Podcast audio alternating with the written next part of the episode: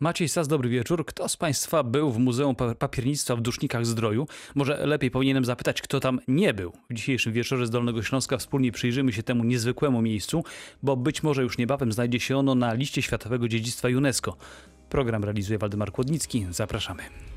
A czy się spełni Dusznikom Zdrojowi, a dokładniej Muzeum Papiernictwa? Jak w piosence? Zaraz o tym porozmawiamy. W tej chwili trzy dolnośląskie perły znajdują się na liście Światowego Dziedzictwa UNESCO. To kościoły pokoju w Jaworze i Świdnicy oraz hala ludowa, zwana też halą stulecia we Wrocławiu. Ale jest szansa, że zostanie tam wpisany inny obiekt, właśnie wspomniane Muzeum Papiernictwa w Dusznikach Zdroju. Czy i kiedy tak się stanie? Jakie warunki muszą zostać spełnione? Jakie zmiany to oznacza dla muzeum i jakie jeszcze inne dolnośląskie obiekty mają szansę w przyszłości trafić na tę prestiżową, prestiżową listę. O tym wszystkim porozmawiam dzisiaj z naszymi gośćmi, a są nimi pan doktor habilitowany Maciej Szymczyk, dyrektor Muzeum Papiernictwa w Dusznikach Zdroju. Dobry wieczór. Dobry wieczór. E, Oraz pan profesor Bogusław Szmygin, dziekan Wydziału Budownictwa i Architektury na Politechnice Lubelskiej, członek Międzynarodowej Rady Ochrony Zabytków i Miejsc Historycznych ICOMOS, prezydent Międzynarodowego Komitetu Naukowego Teorii i Filozofii Konserwacji. Dobry wieczór, panie profesorze. Dobry wieczór panu. E, Powinienem chyba jeszcze dodać, że pan profesor jest mentorem, niejako i przewodnikiem Muzeum Papiernictwa w trudnej drodze na listę UNESCO, no ale to za chwileczkę z rozmowy pewnie jeszcze wyniknie. E, Chciałbym najpierw zapytać pana dyrektora Szymczyka, bo zacząłem nasze spotkanie od wyrażenia przekonania, że wszyscy byli w Muzeum Papiernictwa, ale może znajdzie się ktoś taki, kto przeoczył tę możliwość. Zapytam więc z zamierzoną naiwnością, e, co tak niezwykłego jest w młynie papierniczym w Dusznikach Zdroju, bo dokładnie taki to obiekt, że miałby się znaleźć na liście Światowego Dziedzictwa UNESCO. Pańskim zdaniem oczywiście. Otóż jest to jedyny tego, jedyny tego typu obiekt na Dolnym Śląsku, jedyny tego typu obiekt w Polsce i jeden z nielicznych e, w Europie, na świecie. Em, No, wprawdzie młynów papierniczych w poprzednich wiekach, od średniowiecza po e, XIX wiek w Europie powstało kilkanaście tysięcy, natomiast do czasów współczesnych przetrwało zaledwie 30. Em, I spośród tych 30 młynów papierniczych em, większą wartość historyczną, em, architektoniczną posiada kilka, a z tych taką em, naszym zdaniem jedynką, zdecydowaną jedynką jest e, młyn papierniczy w Dusznikach Zdroju. E, On właściwie bardziej nawet przypomina dworek szlachecki niż zakład produkcyjny. Mówi pan tutaj o tej ozdobności, jego pięknie z Tak, zewnątrz. dokładnie. Ma przepiękne ozdoby. Któż kiedyś tak zdobił zakłady rzemieślnicze nad oknami rozety, palmety, e, wokół okien e, pilastry, e, przepiękne ślimacznice, e, no i śliczny pawilon wejściowy. E, Rzeczywiście jest to jeden z najpiękniejszych zabytków techniki, e, nie tylko w, na Dolnym Śląsku, w Europie, e, ale pewnie na świecie. Stąd, stąd e, zaczęliśmy swego czasu, w momencie, gdy papiernia stała się pomnikiem historii, a było to w 2011 roku, zaczęliśmy tak nieśmiało marzyć, a może by się udało mm, tę papiernię wpisać na listę UNESCO. No i tak od 2013 roku przystąpiliśmy do działania e, krok po kroku. Myślę, że jesteśmy chyba e, już bliżej niż dalej. No, mówi pan o tej nieśmiałości, wiele. ale zdaje się w ważnym momencie, bo zdaje się niedawno tym papiernia, czy właściwie Muzeum Papiernictwa trafiło na listę informacyjną Ministerstwa Kultury i Dziedzictwa Narodowego, co znaczy, że teraz to powinno ruszyć szybciej, intensywniej. E, Tak, mówimy o e, polskiej liście e, oczekujących, inaczej informacyjnej. Jest to lista, na którą nasz kraj wpisuje te obiekty, które chciałby, czy zamierza walczyć o wpisanie ich na listę Światowego Dziedzictwa UNESCO. E, Zatem jest to już taka, taka, taki poważny zamiar naszych władz, e, Ministerstwa Kultury i Dziedzictwa Narodowego e, walki o to, by papiernia została wpisana na listę UNESCO. Czyli właściwie została wybrana reprezentacja. Chciałbym też przy tej okazji od razu pana profesora Bogusława Szmyginę zapytać. Panie profesorze, kto i w jaki sposób może się ubiegać o dostanie na tę prestiżową listę? Bo nie jest przecież tak, że to każdy właściciel prywatnego obiektu, chociażby najpiękniejszego, najbogatszego, może sam to zrobić, prawda? Oczywiście, że tak. Tu trzeba bardzo wyraźnie powiedzieć, y, że stroną zgłaszającą może być tylko kraj, ponieważ lista UNESCO jest tworzona na podstawie y, konwencji UNESCO podpisanej przez y, różne kraje, która została uchwalona przez Zgromadzenie Generalne UNESCO w 1972 roku. Y, I stronami tej konwencji są oczywiście kraje, także tylko i wyłącznie kraj może proponować y, dobro do wpisania. Jest to zresztą y, w pełni logiczne i uzasadnione. Dlaczego? Y, ponieważ ktoś musi brać odpowiedzialność za to, że dobro zgłoszone jest w odpowiednim stanie. I tutaj partnerem nie mógłby przecież być właściciel prywatny, ponieważ jest to porozumienie na szczeblu międzynarodowym i w związku z tym stronami konwencji są kraje i to właśnie kraje formalnie biorą odpowiedzialność za zgłaszane dobra, za stan w jakim się znajdują, bo trzeba bardzo wyraźnie powiedzieć, że celem listy jest z jednej strony wyselekcjonowanie, wybranie i utrwalenie tych najpiękniejszych, najważniejszych obiektów, najcenniejszych skali dorobku całej ludzkości, mhm. ale żeby tak się stało, one muszą być w odpowiedni sposób chronione i zarządzane i właśnie dlatego... Czyli swego rodzaju gwarancja musi być, tak? I państwo jest Oczywiście. gwarantem. Oczywiście trudno tego oczekiwać od właściciela prywatnego, czy muzeum, czy samorządu nawet. Także państwa są jedyną stroną uprawnioną do, do zgłaszania i tak jak przed chwilą powiedział pan dyrektor Szymczyk, po kilku latach starań ten kluczowy moment to było uznanie właśnie przez Ministerstwo Kultury, że w imieniu Polski na listę informacyjną oprócz innych obiektów zostały zaproponowane właśnie duszniki. Jest to zasygnalizowanie społeczności międzynarodowej, że Polska myśli, planuje o zgłoszeniu tego typu kandydatury. No też bierze bardzo, się... Mhm. Także to bardzo ważny moment i niewątpliwy sukces z perspektywy dusznik. Jest już w tej naj, naj, najbardziej wyselekcjonowanej liście poważnie traktowanej przez państwo polskie. Przeszła do finału, tak, ale przy tej okazji tak. jeszcze za chwileczkę do pana dyrektora Szymczyka wrócimy, ale przy tej okazji pana zapytam, a jakie są kryteria związane z wpisywaniem obiektów na listę? To jest wiek, walory artystyczne, popularność turystyczna, inne. Wszystko przecież chyba jest ustalone tak naprawdę tak, i te kryteria tak, są tak. konkretne. Tak, to musi być ustalone, ponieważ jak Państwo mogą się domyśleć, jest to rzecz szalenie skomplikowana, ponieważ na liście ma być zgromadzony dorobek reprezentujący całą ludzkość. W związku z tym jest rzeczą szalenie trudną znalezienie wspólnych kryteriów, wedle których można by było i, i, i zabytki starożytne wpisywać, zabytki pochodzące z różnych kultur, regionów, ponieważ dorobek materialny poszczególnych krajów, regionów, miejsc był, cywilizacji był bardzo różny. I żeby znaleźć wspólną płaszczyznę oceny, to, to, to była rzecz skomplikowana. No i zresztą te kryteria zmieniały się z tego, co wiem, kilka razy. One się, one może nie tyle zmieniały się, one się doskonaliły. Aha, one się raczej doskonaliły. Tak, yy, komplikowały w miarę tego, jak lista zyskiwała popularność, kiedy można było stawiać coraz wyższe wymagania bo to wcale od początku nie było oczywiste, że ta inicjatywa zakończy się sukcesem, natomiast w miarę upływu czasu, jak prestiż listy wzrastał, można było stawiać coraz większe kryteria. Mówiąc w największym uproszczeniu, bo to są, to jest cała gruba książka, która opisuje... No o to nie będziemy pytali, oczywiście tu nie ma czasu na tyle. Tak, dlatego o tym nie będziemy mówić, natomiast e, najkrócej mówiąc to jest e, wartość, która wynika z porównania dóbr w swojej klasie, to znaczy pomiędzy obiektami podobnego rodzaju i ta wartość, co bardzo istotne, musi być uznana w skali ponadkrajowej, ponadpaństwowej, to znaczy wybierane są tylko i wyłącznie dobra, dla których granice, które przekraczają, których wartość może być uznana przekraczając granice krajów. To jest jakby jeden y, kluczowy element. Drugi poziom oceny to jest poziom pewnej jakości zachowania dobra, to znaczy na ile ono jest autentyczne.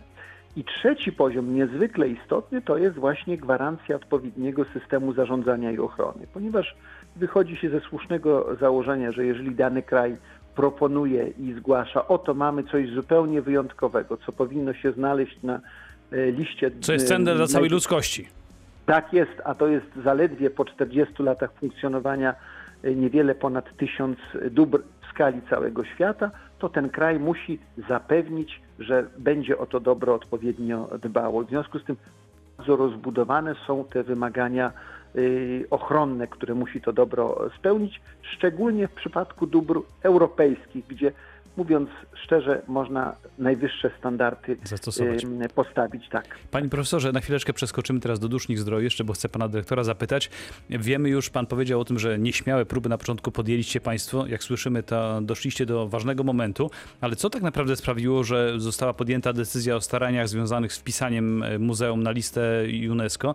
No bo to jest i, i kręta droga, i trudna, dużo pracy, no i też sporo środków trzeba na to mieć i, i poparcia politycznego, tak to nazwijmy. No tak, dokładnie. Bez tego niestety y, nie dałoby się nic zrobić. Udało nam się oczywiście e, po e, namowach, po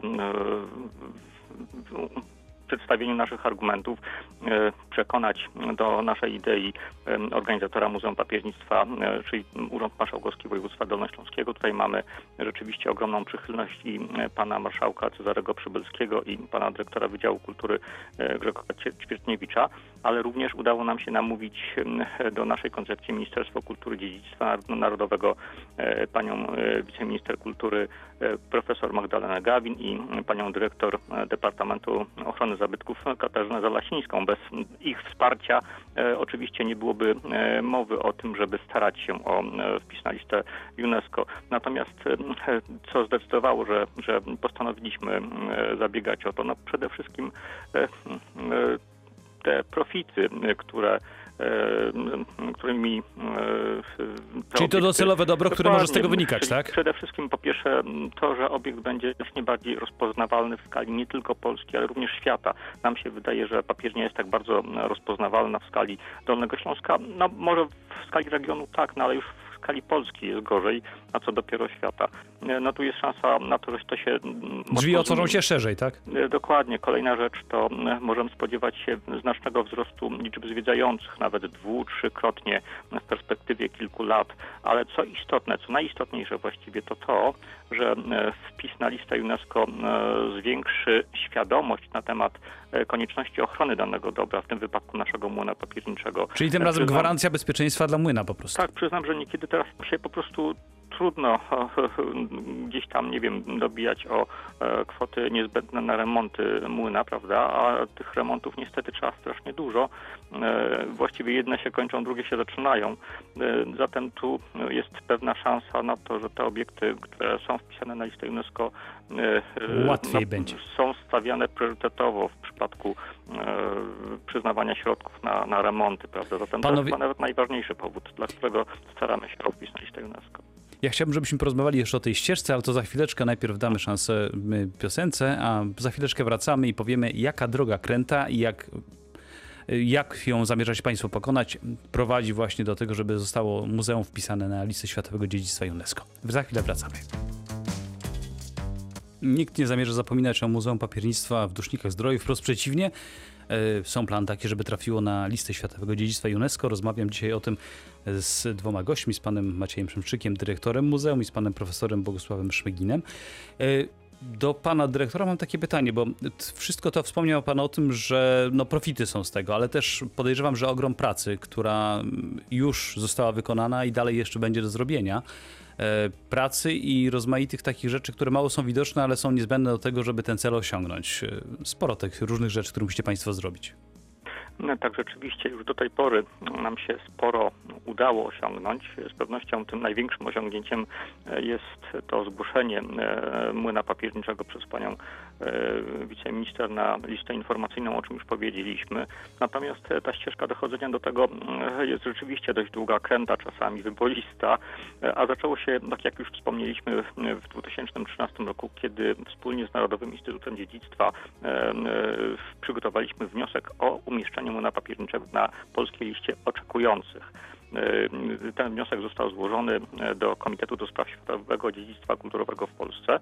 E, został przyjęty ciepło, aczkolwiek zwrócono nam uwagę, że należy dokonać takiej analizy porównawczej innych młynów papierniczych, tych, które zostały zachowane. Czyli musi zobaczyć, co, co, czym inni dysponują i co robią. Dokładnie, tak? dokładnie, dokładnie. My wiedzieliśmy o tym, że blisko nas w czeskich Wielkich Losinach znajduje się e, papiernia, którą też dobrze znamy.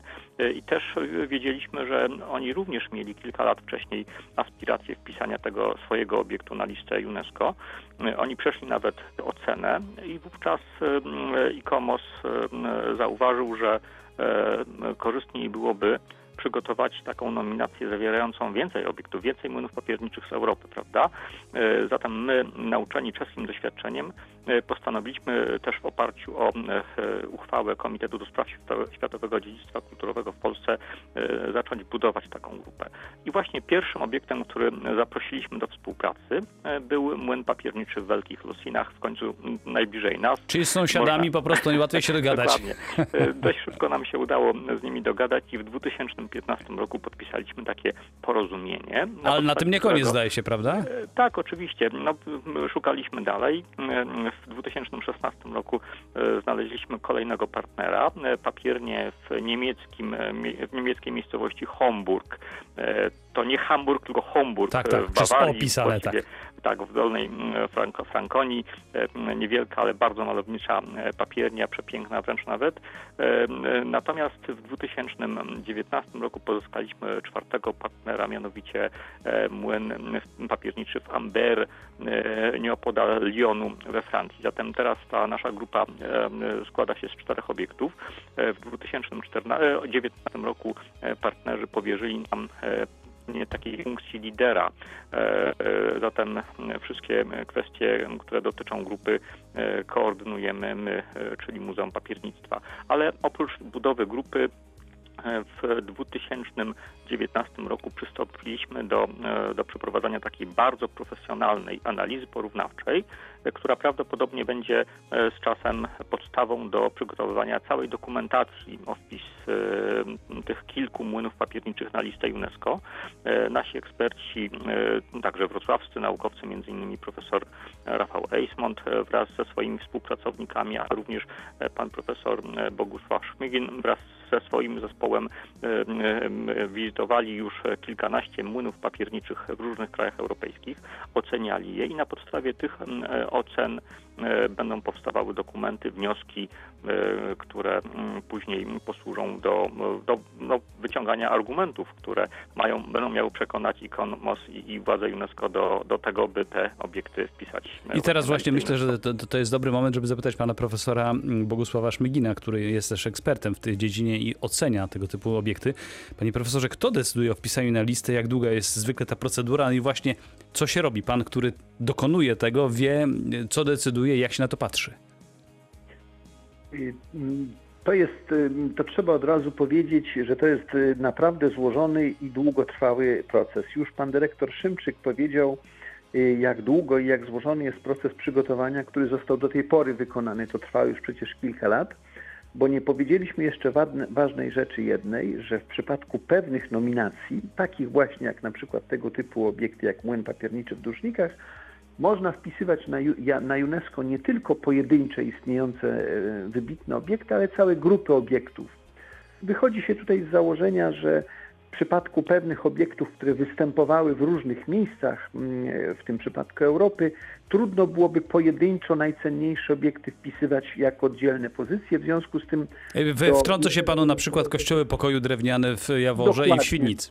Dokładnie, prawda? Kiedy, kiedy pewien typ zabytków jest reprezentowany przez znaczną grupę obiektów, wtedy wybiera się najcenniejsze, które są charakterystyczne. Każde z nich reprezentuje troszkę inne cechy w ramach tego zbioru, wybiera się ta najcenniejsze i wpisuje się jako grupę, to jest tak zwana nominacja seryjna. I właśnie w przypadku e, młynów papierniczych wydaje się, że to jest forma e, odpowiednia, takie zresztą były rekomendacje, co jak się Państwo domyślają znacznie komplikuje proces, bo trzeba znaleźć te obiekty, porozumieć się z partnerami, wybrać, które z nich najlepiej się do tego nadają. Równanie z wieloma niewiadomymi, tak? Więc właśnie, więc właśnie, dlatego to jest sam proces przygotowania może być kilkuletni, to nie jest nic y, nienormalnego. To jest standardowa sytuacja, że przygotowanie nominacji seryjnych y, trwa kilka lat. Potem, y, co jest rzeczą niezwykle ważną, tutaj pan dyrektor Szymczyk się nie pochwalił, ale dzięki zaangażowaniu właśnie dusznik dzięki temu, że tak, tak profesjonalnie do tego podchodzi, jest Polska liderem. Duszniki są liderem tej nominacji, co samo... To prestiżowe to, też jest i dużo ależ mówi. Oczywiście, ależ oczywiście, że, że ci wszyscy partnerzy z całej Europy godzą się, jest dla nich oczywiste, że to właśnie Polska, że to właśnie duszniki mają być liderem tej nominacji. I w pewnym momencie następuje wpisanie na tą listę informacyjną, o którym mówimy. I jeżeli Polska, jeżeli polski rząd, polskie Ministerstwo Kultury uzna, to już jest kwestia bardzo wielu czynników, tu polskich, jak i zewnętrznych, bo to Mhm. zmieniają się pewne tendencje też w nominacjach. Mody można powiedzieć też pewnie. No tak, tendencje, które są nominacje mm, lepiej widziane, które gorzej, których jest mniej więcej. Jeżeli Polska się zdecyduje, wtedy nastąpi przygotowanie y, dokumentacji. Sama dokumentacja, przygotowanie dokumentacji to jest złożony proces. Były robione y, y, w Wielkiej Brytanii akurat analizy i na gruncie tym właśnie brytyjskim szacowali organizatorzy, że przygotowanie dokumentacji, samej dokumentacji nominacyjnej to jest koszt rzędu 400 tysięcy y, funtów. Także to są naprawdę Czyli niebagatelne pieniądze. duże pieniądze wynikające z długotrwałych działań i z faktu, że to za tym wszystkim stoi odpowiednie przygotowanie miejsca. I w momencie, kiedy y, kraju skończy się już to przygotowanie, kiedy nominacja jest zgłaszana, zaczyna się międzynarodowy proces oceny, który w najkorzystniejszej sytuacji trwa dwa lata, ponieważ on składa się z kilku etapów ocen dokonywanych przez y, międzynarodowych ekspertów, którzy na podstawie początkowo dokumentacji oceniają to miejsce, a potem odbywa się wizyta ekspertów w miejscu, którzy również oceniają stan przede wszystkim zarządzania, ochrony, granice, zabezpieczenie, sposób organizacji, ochrony. Czyli wszechstronnie, wszechstronny przegląd bardzo, robią. Bardzo, bardzo. Czyli y, bez przesady absolutnie uważa się dzisiaj, że światowe dziedzictwo to jest najwyższy standard ochrony dziedzictwa w skali światowej. Y, Używa się takiego dosyć banalnego porównania, że w ochronie dziedzictwa y, lista światowego dziedzictwa to jest taka formuła 1 w tej, w tej dziedzinie, czym dla przemysłu y, motoryzacyjnego. Stąd te najdoskonalsze y, metody oceny i ochrony przechodzą do, do, do, do systemów ochrony zabytków w poszczególnych krajach. Także od momentu, kiedy Polska zdecydowałaby się zgłosić y, do oceny międzynarodowej przez Komitet Światowego Dziedzictwa, to jest ciało, które y, ocenia i zatwierdza tę nominację, sesje odbywają się raz do roku w poszczególnych krajach, to w minimalnym, w optymistycznym y, warunkach to by trwało 2 do 3 lat. O tym, kiedy taki proces ma szansę, przynajmniej teoretycznie się zakończyć, za chwileczkę porozmawiamy. A na razie piosenka. 20.38 w Wieczorze z Dolnego Śląska. Rozmawiamy dzisiaj o tym, czy i kiedy y, Muzeum Papiernictwa w Dusznikach Zdroju ma szansę trafić na listę Światowego Dziedzictwa UNESCO. E, Naszymi gośćmi są, przypomnę, dzisiaj panowie profesor Bogusław Szmygin, członek Międzynarodowej Rady Ochrony Zabytków i Miejsc Historycznych ICOMOS oraz pan e, Maciej Szymczyk, dyrektor Muzeum Papiernictwa w Dusznikach Zdroju, ale e, ten etap naszej rozmowy zaczniemy od czegoś innego. Starania zespołu pana dyrektora wspierają władze województwa dolnośląskiego o to, w jaki sposób to robią. Zapytałem dzisiaj dyrektora, doktora Grzegorza Ćwiertniewicza, dyrektora Wydziału Kultury w Urzędzie Marszałkowskim Województwa Dolnośląskiego. Tak naprawdę Muzeum Papiernictwa pewnie kiedyś będzie wpisane na listę UNESCO, ale w dużej mierze to zależy od starań wielu ludzi, również władz lokalnych, czyli m.in. Urzędu Marszałkowskiego Województwa Dolnośląskiego. Państwo w tym mocno uczestniczycie. Marszałek województwa dolnośląskiego wspiera Muzeum Papiernictwa y, w tym procesie, choćby poprzez kontakt y, osobisty z ministrem y, kultury i dziedzictwa narodowego, bo rzecz jasna mamy pełną świadomość, że wpis opiera się na fali negocjacji. W związku z tym jesteśmy na bieżąco, trzymamy rękę na pulsie i zależy nam na tym, żeby w konsekwencji rzeczywiście ta zacna instytucja znalazła się na tej liście. Panie dyrektorze, ale to też zależy w dużej mierze, jak wiele takich rzeczy, od pieniędzy. I tutaj też e, na, na rozmaite rzeczy związane chociażby z otoczeniem tego. E, Państwo jako instytucja założycielska, ta, która opiekuje się muzeum, e, pewnie też to bierzecie pod uwagę. Jesteśmy głównym i jedynym organizatorem muzeum w Dusznikach, Muzeum Papiernictwa, więc mamy pełną świadomość, że, że, że działania, które podejmuje instytucja, wymagają wsparcia finansowego i też to wsparcie finansowe instytucja od nas otrzymuje. Wiadomo, że potrzebne są kwerendy, potrzebne są badania naukowe, y, potrzebne są publikacje, potrzebna jest modernizacja infrastruktury, doposażenie budynku i na to pan dyrektor Szymczyk otrzymuje pieniądze z Urzędu Marszałkowskiego. Wpisanie na listę Światowego Dziedzictwa UNESCO to jest bardzo prestiżowa sprawa, więc w tej chwili mam tylko trzy takie obiekty na Dolnym Śląsku, ten byłby czwarty. Rozumiem, że dla, dla Państwa, jako dla ludzi, którzy zarządzają województwem, to też bardzo ważna sprawa. Ale oczywiście mamy pełną świadomość, ile pracy wkładają pracownicy muzeum, by była to instytucja prestiżowa, by była to instytucja dostępna dla mieszkańców regionu, ale nie tylko. Y, Wśród odwiedzających są przecież i Europejczycy, i tak naprawdę obywatele całego świata. Więc myślę, że, że sam wpis y, przyniesie y, nam chwałę. No, i na to czekamy. Y, Do pana dyrektora Szymczyka zwracam się teraz, bo bez wchodzenia w polityczne niuanse, ale bez wsparcia władz lokalnych, a w ogóle władz, o tym już po części mówiliśmy, trudno byłoby chyba cały ten proces przeprowadzić, czyli trzeba też mieć ludzi zjednanych sobie. E, Tak, zdecydowanie to byłoby nawet niemożliwe z tego względu, że mm, no, formalnie e, nasi organizatorzy, nasz, nasz organizator musiał na to wyrazić zgodę.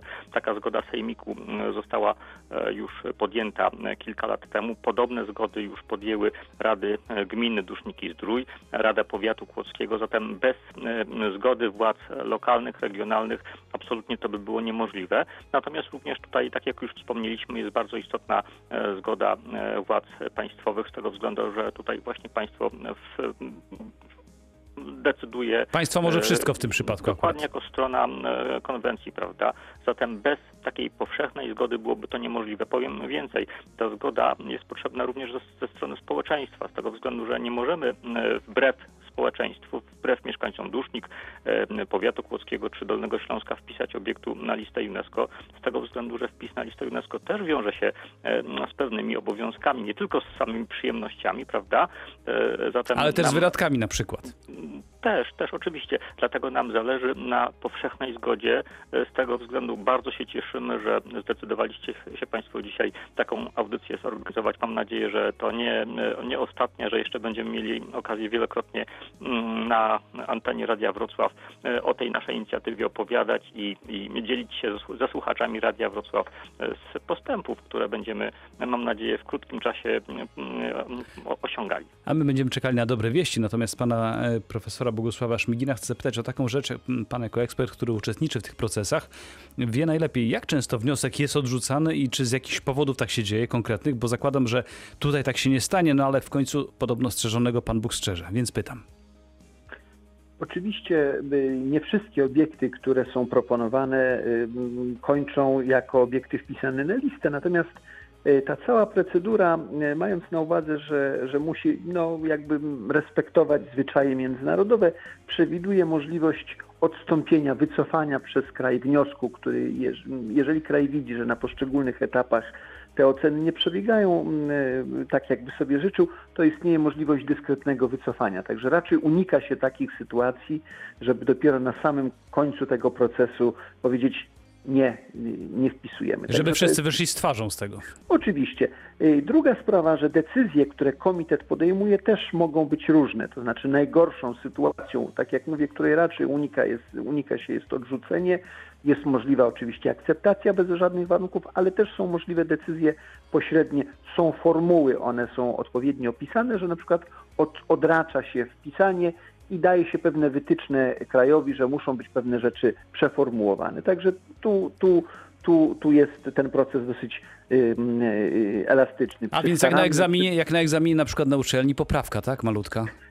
No można to, można to w ten sposób, e, można to w ten sposób e, powiedzieć. Raczej unika się stawiania dwój i, od, zostawiania na drugi rok.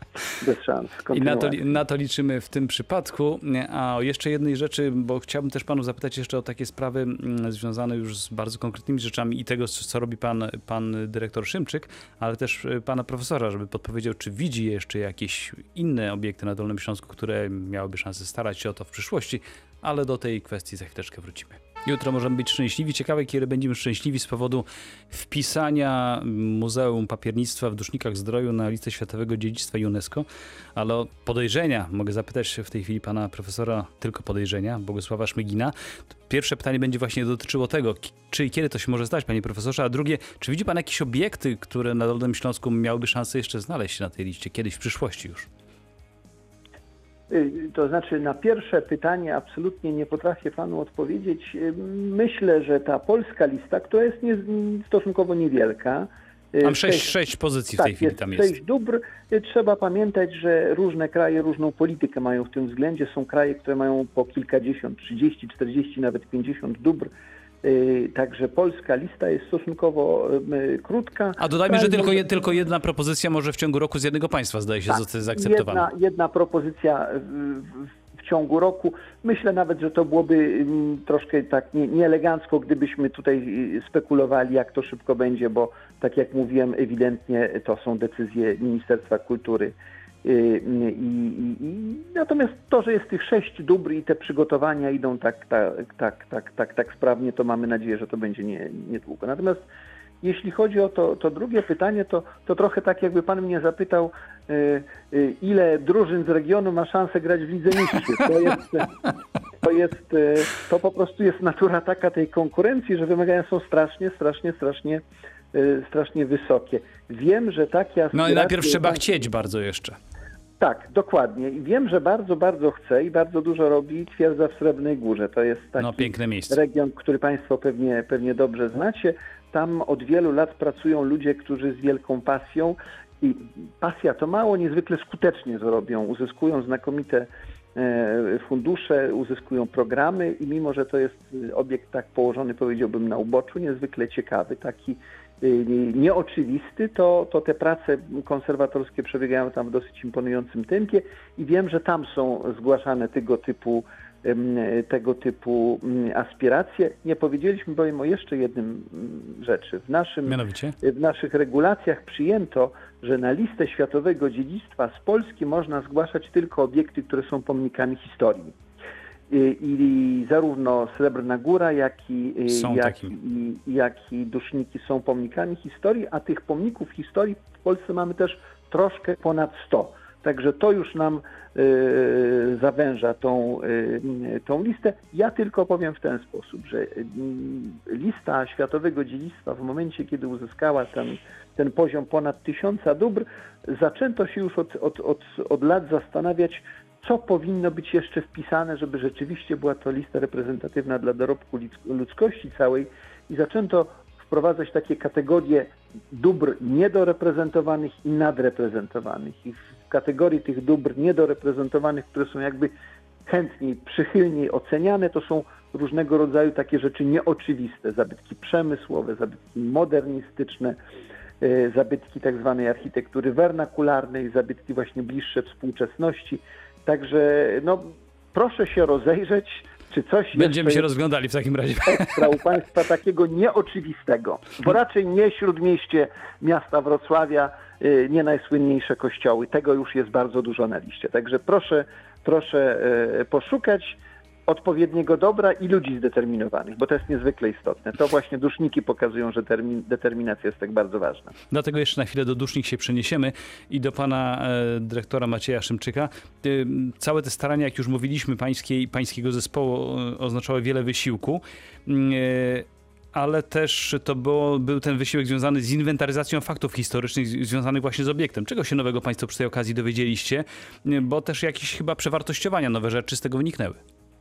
Tak, rzeczywiście w ostatnich latach, starając się o wpis na listę informacyjną, przeprowadziliśmy cały szereg badań młyna papierniczego, dokumentów archiwalnych i faktycznie udało nam się wiele rzeczy uszczegółowić, ustalić nowe, nowe szczegóły. Mianowicie przesunęliśmy przede wszystkim datowanie młyna papierniczego z 1605 roku na okres przed 1562 roku. Wiemy, że papiernia jest na pewno starsza niż jeszcze kilkanaście czy kilka lat temu sądziliśmy. Kolejną kwestią jest to, że uszczegółowiliśmy listę właścicieli młyna papierniczego. Co ciekawe, ta lista była oczywiście znana już od końca XVIII wieku, natomiast okazało się, że są na niej ogromne braki. Brakowało na przykład kobiet, które zarządzały papiernią. Kobiety tak zarządzały? Tak, oczywiście. Bardzo często bywało tak, że mężczyźni umierali bardzo szybko w Jak młodym dzisiaj. wieku.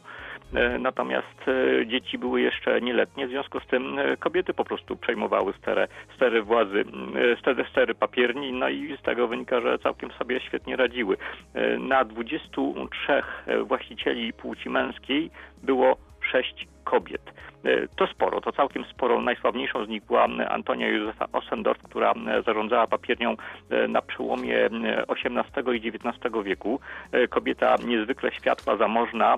Ona doprowadziła właśnie do, do wykonania tych ozdobnych elewacji, które teraz przyciągają zwiedzających do Muzeum Papiernictwa.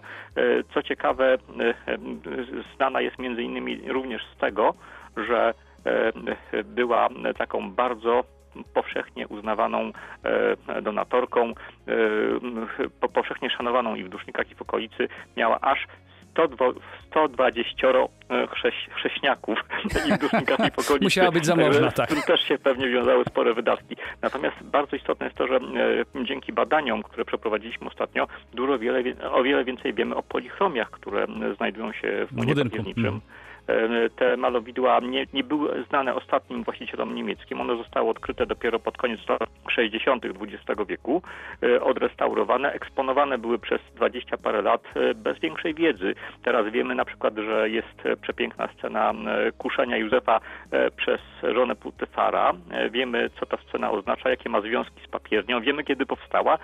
Ja oczywiście nie będę zdradzał tajemnicy. Nie, no, po to trzeba przyjechać się dowiedzieć na miejscu. Z tego względu, że po prostu rzeczywiście słuchacze Radia Wrocław uznaliby, że już nie warto wjechać do muzeum, nie, nie, nie, wszystko, jedziemy. wszystko wiadomo. Zatem serdecznie zapraszam. E, dowiecie się o tym i jeszcze o wielu, wielu więcej e, sprawach dotyczących historii Muna. Teraz Piernia Dusznicka jest jednym z najlepiej przebadanych obiektów e, poprzemysłowych nie tylko na Dolnym Śląsku, ale śmiem stwierdzić, że również w Polsce, a być może nawet w Europie. Jeszcze jedna sprawa bardzo ważna, więc krótko proszę o odpowiedź, bo powiedzenie, że większa część drogi do listy UNESCO za państwem byłoby przesadą. Co jeszcze musicie zrobić, żeby tym wszystkim wymaganiom, o których mówił pan profesor Szmegin, sprostać?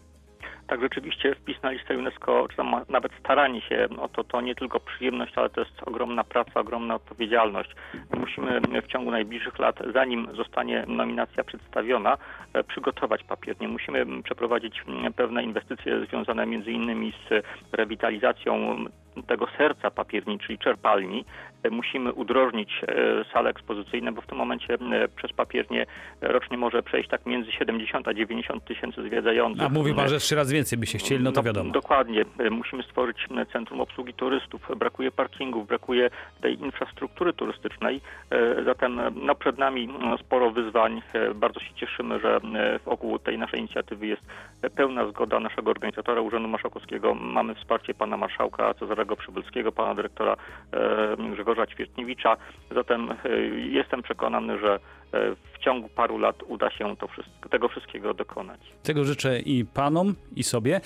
A przypomnę, że naszymi gośćmi byli dzisiaj dwaj panowie, pan profesor Bogusław Szmygin, dziekan Wydziału Budownictwa i Architektury na Politechnice Lubelskiej, członek Międzynarodowej Rady, język mi się plącze, nie wiem dlaczego, Międzynarodowej Rady Ochrony Zabytków i Miejsc Historycznych ICOMOS, prezydent Międzynarodowego Komitetu Naukowego Teorii i Filozofii Konserwacji. Dziękuję panie profesorze, dobranoc. Dziękuję bardzo. Oraz pan doktor habilitowany Maciej Szymczyk, dyrektor Muzeum Papiernictwa w Dusznikach Zdroju. Pan również bardzo dziękuję.